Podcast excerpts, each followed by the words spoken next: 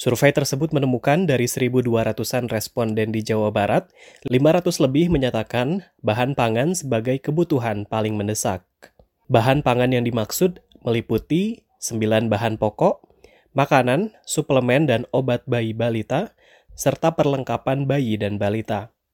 Laporan tersebut menulis, survei ini mengkonfirmasi bahwa pandemi COVID-19 telah menyebabkan naiknya bahan pangan dan meningkatkan kesulitan akses atas beberapa komoditi pokok bagi golongan buruh dan pelaku usaha kecil.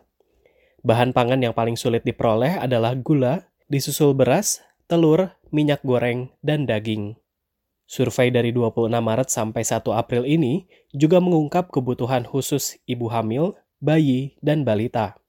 Anggota tim riset LBH Bandung, Fuad Abdul Ghani mengatakan, pemerintah perlu menjamin kebutuhan bayi, terutama susu, sebab banyak responden yang mengeluh kesulitan mendapatkan susu.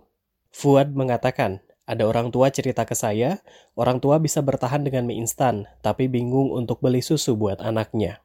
Karena itu, pihaknya meminta berbagai kebutuhan bayi dan balita disediakan secara gratis. Laporan ini mengungkap akses kesehatan ada pada posisi kedua dengan 400 lebih orang, disusul bantuan finansial dengan 300-an orang. Anggota tim riset LBH Bandung, Wisnu Prima menjelaskan, kebutuhan terkait kesehatan meliputi akses terhadap pelayanan, alat kesehatan, dan obat-obatan.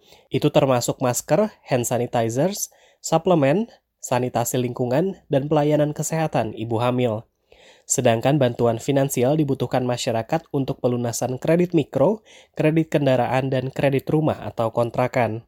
Bantuan uang juga dibutuhkan karena 42% persen responden pendapatannya berkurang, 27% persen responden berhenti atau diberhentikan sementara, dan 23% persen responden kehilangan usaha atau pekerjaan. Wisnu mengatakan wabah COVID-19 telah berdampak terutama bagi kelompok buruh, pegawai, dan pelaku usaha mandiri. Dari Bandung, Jawa Barat, Rio Tuasikal melaporkan untuk VOA Washington.